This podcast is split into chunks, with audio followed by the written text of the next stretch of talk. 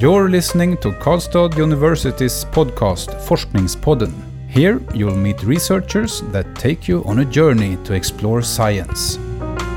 The podcast is brought to you by the University Library.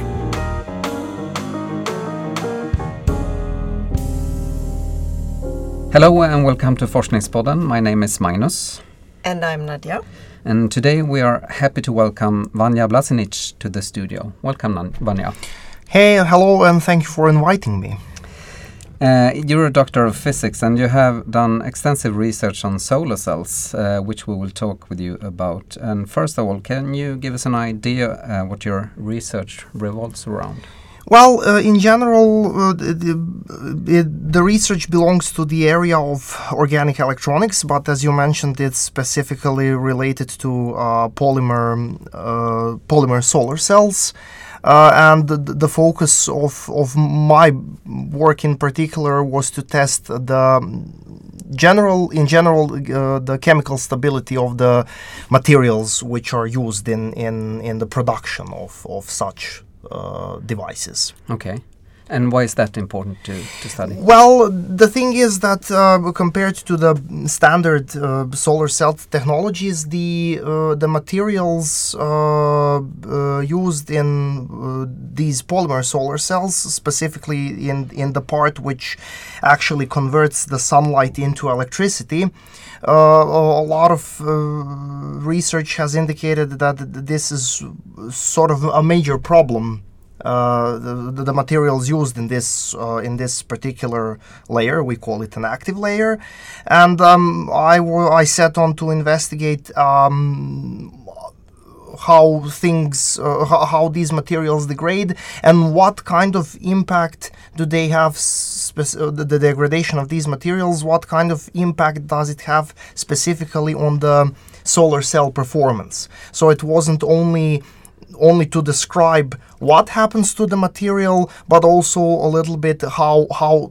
these problems of the materials transfer to the problems of the uh, device operation, okay. so to say.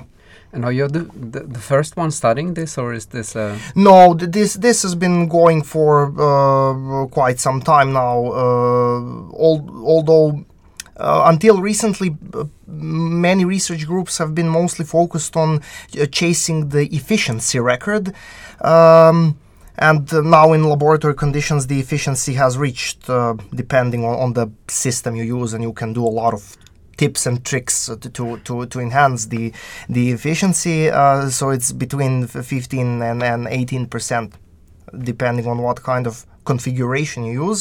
But re- recently, people have now taken more uh, interest into this stability um, research simply because now we now that we got some hold of the efficiency, we want to um, increase the uh, operational time of the of the devices. Mm-hmm. Of course, th- the thing is there are a lot of types of stability that you can test against the heat, against the light, against uh, air or water vapor. So it's it's not when, when you say uh, stability, you, you kind of have to specify what kind of stability you are um, you are investigating. Yeah. What did you investigate? I investigated specifically how uh, these materials. Uh, polymers and fullerenes, how do they behave um, in terms of uh, chemical changes when you when you leave them leave them out in in in uh, light uh, sunlight and air and then to see what kind of chemical changes happen do they change color uh, how this affects the the device and uh, so on mm-hmm. so what did you find well, uh, there have been. I mean, it's it's a quite a wide. Uh, it, it, it's it's a spread out of the results, but one of the main points in the in the thesis or at least in the works which are part of the thesis. One is that um, we were we were able to identify um, uh, specifically what's the chemical structure of the of the fullerenes after after they have been exposed to sunlight and air.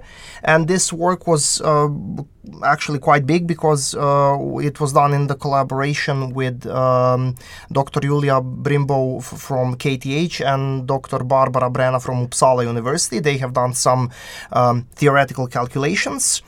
Uh, while uh, we here, uh, Professor Ellen Moons, uh, Dr. Leif Eriksson, uh, me, and uh, Dr. Rikan Ha- Hansen, and several other collaborators, we have performed the experimental part of the work, and then we compared the calculated results with the what we see in the experiments and then we basically started to cross out what fits and what doesn't fit and that's how we okay it wasn't that simple of course but uh, we, we were able to find um, for for what kind of uh, let's say geometry or chemical structure you can you can get uh, the, the the overlap of the of the bet- between the calc- the calculations and the experiments Theory and practical. yeah theory and practical part. One other thing is was also that we used um, one fairly new method um, uh, which uh, to, to, put it simple it's a microscope which besides uh, giving you the picture of the your uh, active layer it also tells you what's the chemical how do you say chemical composition at, at certain point of that material so you can you you put microscope on one point it says here you have material a there you have material b and you, so you can also see how how exactly do they mix Uh-huh. Okay. so that was uh, that was the uh, those are kind of two major points in the in the work in general in in this particular project i mean But it sounds a little bit like you need to be a chemist as well, then. Uh, yes, it's. Um, I mean, uh, officially it is a, a, a, a- a doctoral title in, in physics, but um, the truth is it has an overlap with a lot of uh, different areas. I mean, today you, you, you cannot have uh, only one field. It, it's it's always interdisciplinary. So it's a little bit of physics, a little bit of chemistry, a little bit of electronics, uh, theoretical calculations. Okay, done by by the aforementioned um, uh, scientists, but it's it's a lot of ground that you have to cover in order to get a specific set of results, so to say. So, but if you should summarize, what, what are the main results that you have? Also, if we think about the application of solar cells. Well, in in terms of um, if you want to transfer that to the direct application, uh, we have we have discovered um, in a way how the, the, the these fullerenes, which have been used a lot. Uh, in last 20 or, or 30 years they were basically a, a workhorse material now we have some idea uh, what happens to them uh, which um, actually kind of gives us uh, a hope that if, if we have found the disease, maybe we're going to find a cure. And the, the people are already working on different uh, approaches. So some people say that we should throw these fullerenes completely out and substitute them with something else. That's also something that has been tackled in the thesis. Uh, but also, what again? What kind of tricks can we develop in order to um, to uh, maybe not completely el- el- completely eliminate, but at least minimize the problem? Uh, uh, of course, putting the whole device into some kind of plastical uh, sealing, uh, maybe take some kind of um, uh, light filters in order to to to uh, take away part of the um, spectrum or of the colors which are actually um, doing the, uh, the the damage to the material and so on. But, so but in your in your work, you looked at very specific conditions, right? For yes, But if we're looking at the real world with rain and we have Yeah, heat and we have everything, would that cover? Like, would your work cover those parts too? Like, if you change the solar cells, um, in with- what sense? like uh, this, the, what you have found with the how, what the, how the compounds behave, well- they might behave differently in in other uh, conditions. Yes, th- th- that's definitely true because there is. I mean, you have to account in, in- of course, in real life that all these um, effects come together at the same time. I only I only looked at at uh, one uh, one or two specific uh, contributions to this instability.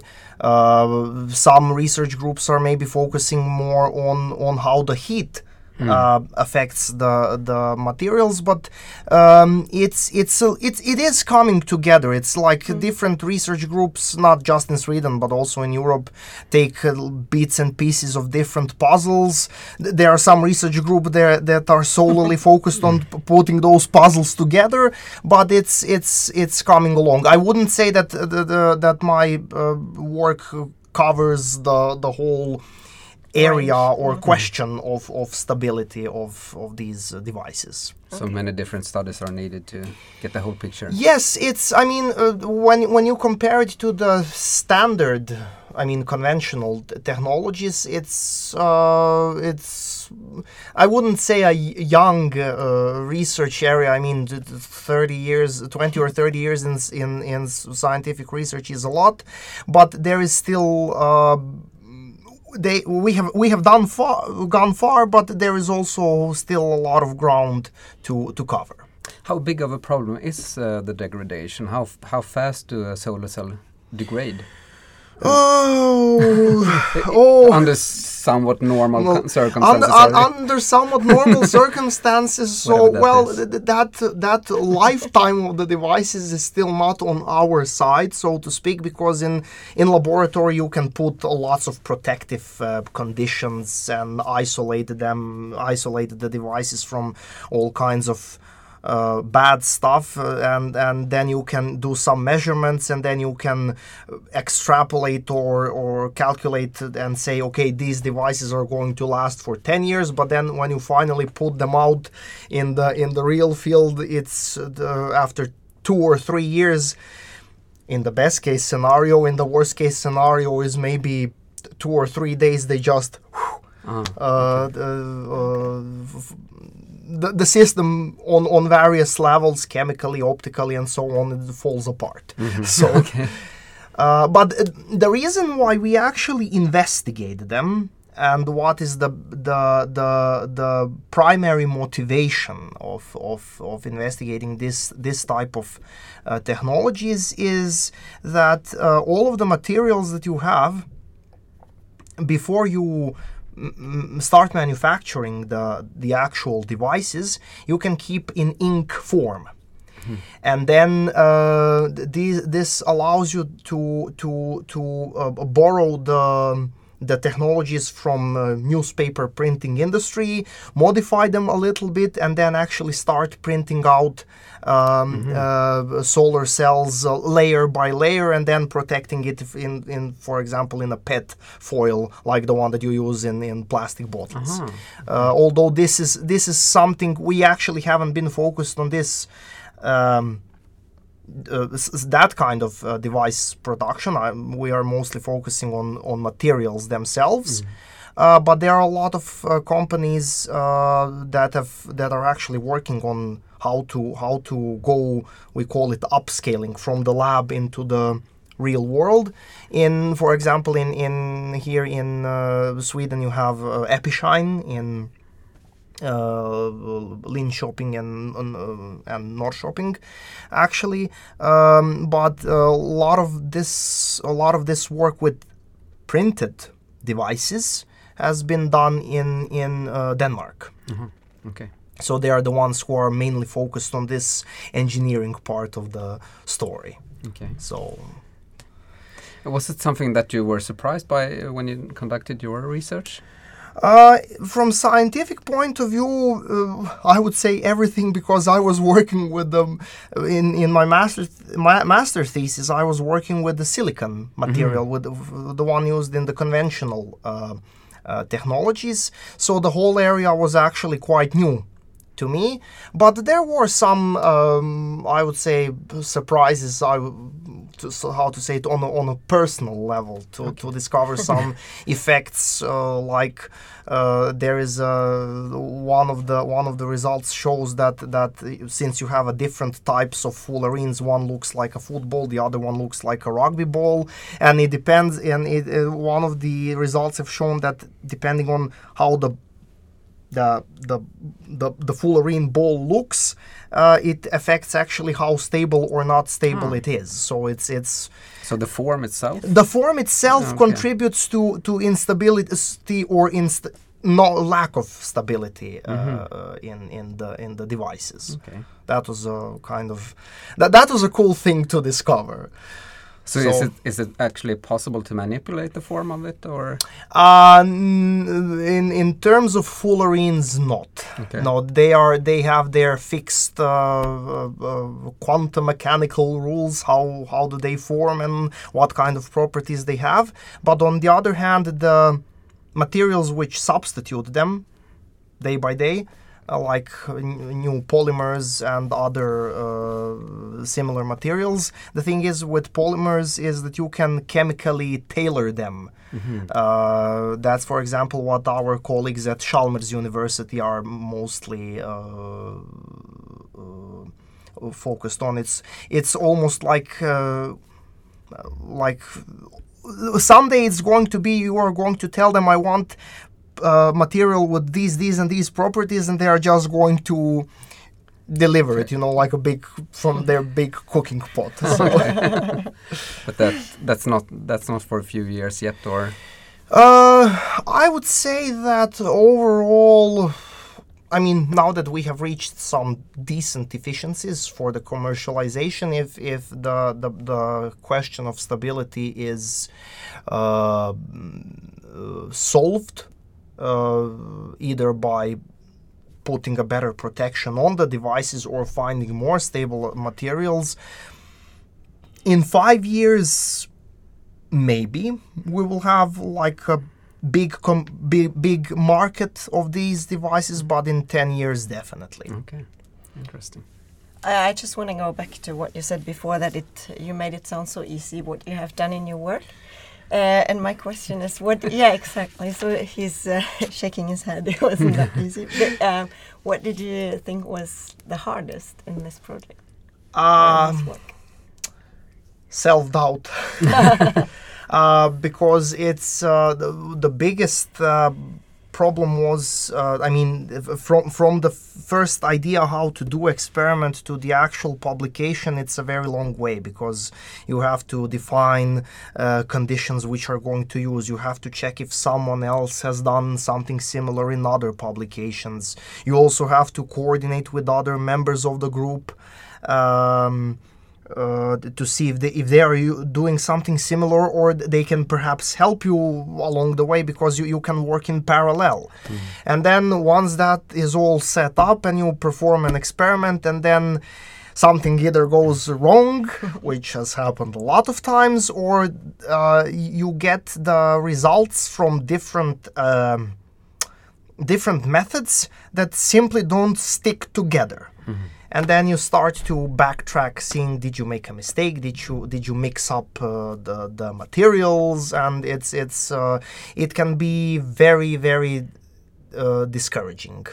So uh, that that's the the main problem. But then again i mean it's it's in this kind of work it's not good to be a control freak because uh, you you can't uh, you you can maybe uh, manipulate uh, mother nature to a certain extent but full control is um, something you should not expect Okay. in this kind of work so that was a little bit uh, d- d- discouraging Okay, but you you managed anyways to write your thesis, which is great. And uh, this is my next question: Who do you think should read it? Um, interesting for? Well, um, I would say, I mean, it depends which part of the thesis you look. If you look specifically at the kappa as a sort of introductory overview, I think it, it would it's good enough to give a quick glance to undergraduate students if they want to pursue research or additional studies in the area. But I think that looking overall, it will be the th- the thesis would most would be most interesting perhaps to uh, people in in materials science and chemistry.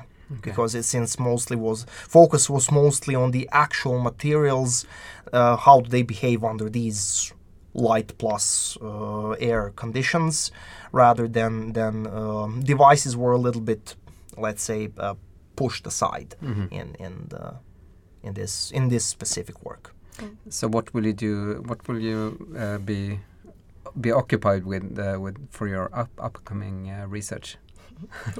Uh, that's a really tough question uh, because uh, I mean I have been uh, when it comes to science and physics in, in particular I've been a student and a teacher and now a researcher and each of these uh, uh, um, stages has its own positive and negative sides. So for the moment, I'm actually thinking uh, to return to teaching a little bit.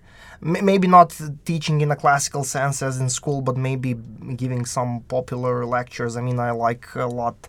Uh, I find a lot of inspiration in, in physicists like uh, Richard Feynman or Carl Sagan, uh, who were known to to convey the scientific message uh, in in a very simple way. Um, but also, I'm a little bit interested, or better to say, curious about um, research and development in the industrial um, segment of this whole work. So now that I know how, or at least have a general picture how the lab works, now I would like to see a little bit how it goes towards the industrial um, Uh, industrial segment and then maybe even towards the commercial commercialization. Yeah, you, you spoke a little bit but, uh, about it, uh, but I was curious about.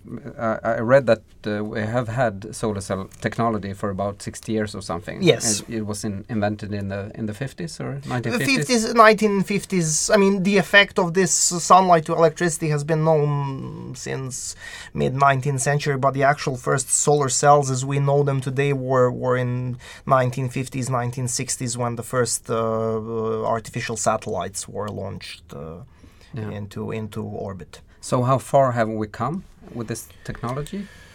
Uh, Is it possible to give a picture of? of well, uh, it's uh, development? uh, in in terms of development in general. The, the there there is a wide array of materials that you can use. Even even within the conventional technologies, you don't only have silicon. You, you also have uh, also different kinds of mixes of of materials that can give lower or higher efficiencies. So it's very um, uh, it's although the the renewable energies are are by themselves a very wide area because you have the hydroelectricity, wind turbines, and and so um, solar uh, based. Uh, electricity uh, even within those categories you have a lot of different um, uh, uh, varieties at, at the different stages of development but um, to, to give a general overview it's it's a little bit difficult to say. I mean it depends what you look at. If, if you look at the terms- yeah. in, in, in terms of efficiency, the silicon solar cells are definitely still the leading technology, but they have almost uh, 60 or uh, about 60 or 70 years of development behind them. Uh, uh, the these or organic solar cells in general, of which the polymer solar cells are a part, um, they have been actively investigated half of that time. So, Okay. but uh, we also have a third category, which are called the perovskites. Those are the craziest ones because in in some in a period of roughly five or six years, they they covered the same distance uh, in terms of efficiency that took uh, uh, uh, silicon solar cells almost 50 years. So the only problem is, however, that they are that these this third category, the perovskites, they are even more unstable than the Uh-huh. than the the organic ones. So it's uh, it's it's a lot of trade-off. I mean, silicon is still um, dominant one. Um, the, the organic solar cells, since you can print them, and you can you can basically get uh, you know uh, uh, you can you could in, in principle that's the main idea behind it. You could roll up your solar panel uh, put it under the arm go to the west coast stretch it out and charge your uh, um, ebook reader while reading the ebook reader. Uh, so I think that the organic solar cells maybe they are not going to be the main uh, solar cell technology in terms of mass production, but in terms of increasing the mobility uh, of of uh, travelers, for example, uh, th- that's going to be quite a quite a thing uh, i- if if if they work out this part with the lifetime. I mean, for example, th- this year we, we had a the Nobel Prize for lithium uh, uh, based bat- batteries. Th- they were revolutionizing because they extended the the lifetime of portable electronics. The if we can get lifetime of s- organic solar cells uh, to 10 years then then the, the, the mobility of the individuals is going to be increased Yeah. uh, a lot Okay. so Sounds good. And really interesting. So, do you think the future is in solar cells, or what do you think will end up in 20 years? well i mean we definitely given the the situation with the climate change uh, we will in general have to turn to to renewables i don't think we have much choice uh, it's getting a little bit critical uh, but i think that um, i think that in terms of these renewable energies hydroelectric power plants and wind turbines are most likely going to remain the dominant sources. For example, powering up the cities. Uh, the the traditional solar cells based on uh, silicon might be for smaller communities like villages where you cannot pull the the electrical grid uh, distribution or infrastructure. Uh, while the the organic solar cells are definitely going to be a good um, good solution for for those who are traveling a lot. So I, I think that each each technology of the renewable energies is going to kind of fill one part of the of the of the this energy consumption problem. Okay. Uh, I think our time is running up. This is so interesting. we So, could yeah, keep I- I chatting don't- with you here, but um, warm thanks, Vanja, for guesting us today at the Forskningspodden. Do you feel like we have covered everything, or would you like to add something that we missed to ask you? Um, well, there is a lot of things you can say about organic solar cells, but uh, I think we have covered the basics. Okay, so great. Then uh, we wish you good luck with uh, Thank you. whatever you are going to do in the future. And uh, to our listeners, thank you very much for listening and stay tuned because we will be back in uh, two weeks. Bye. Bye. You have listened to Karlstad University's podcast Forskningspodden. The podcast is brought to you by Karlstad University Library. All episodes can be found at kau.se forskningspodden.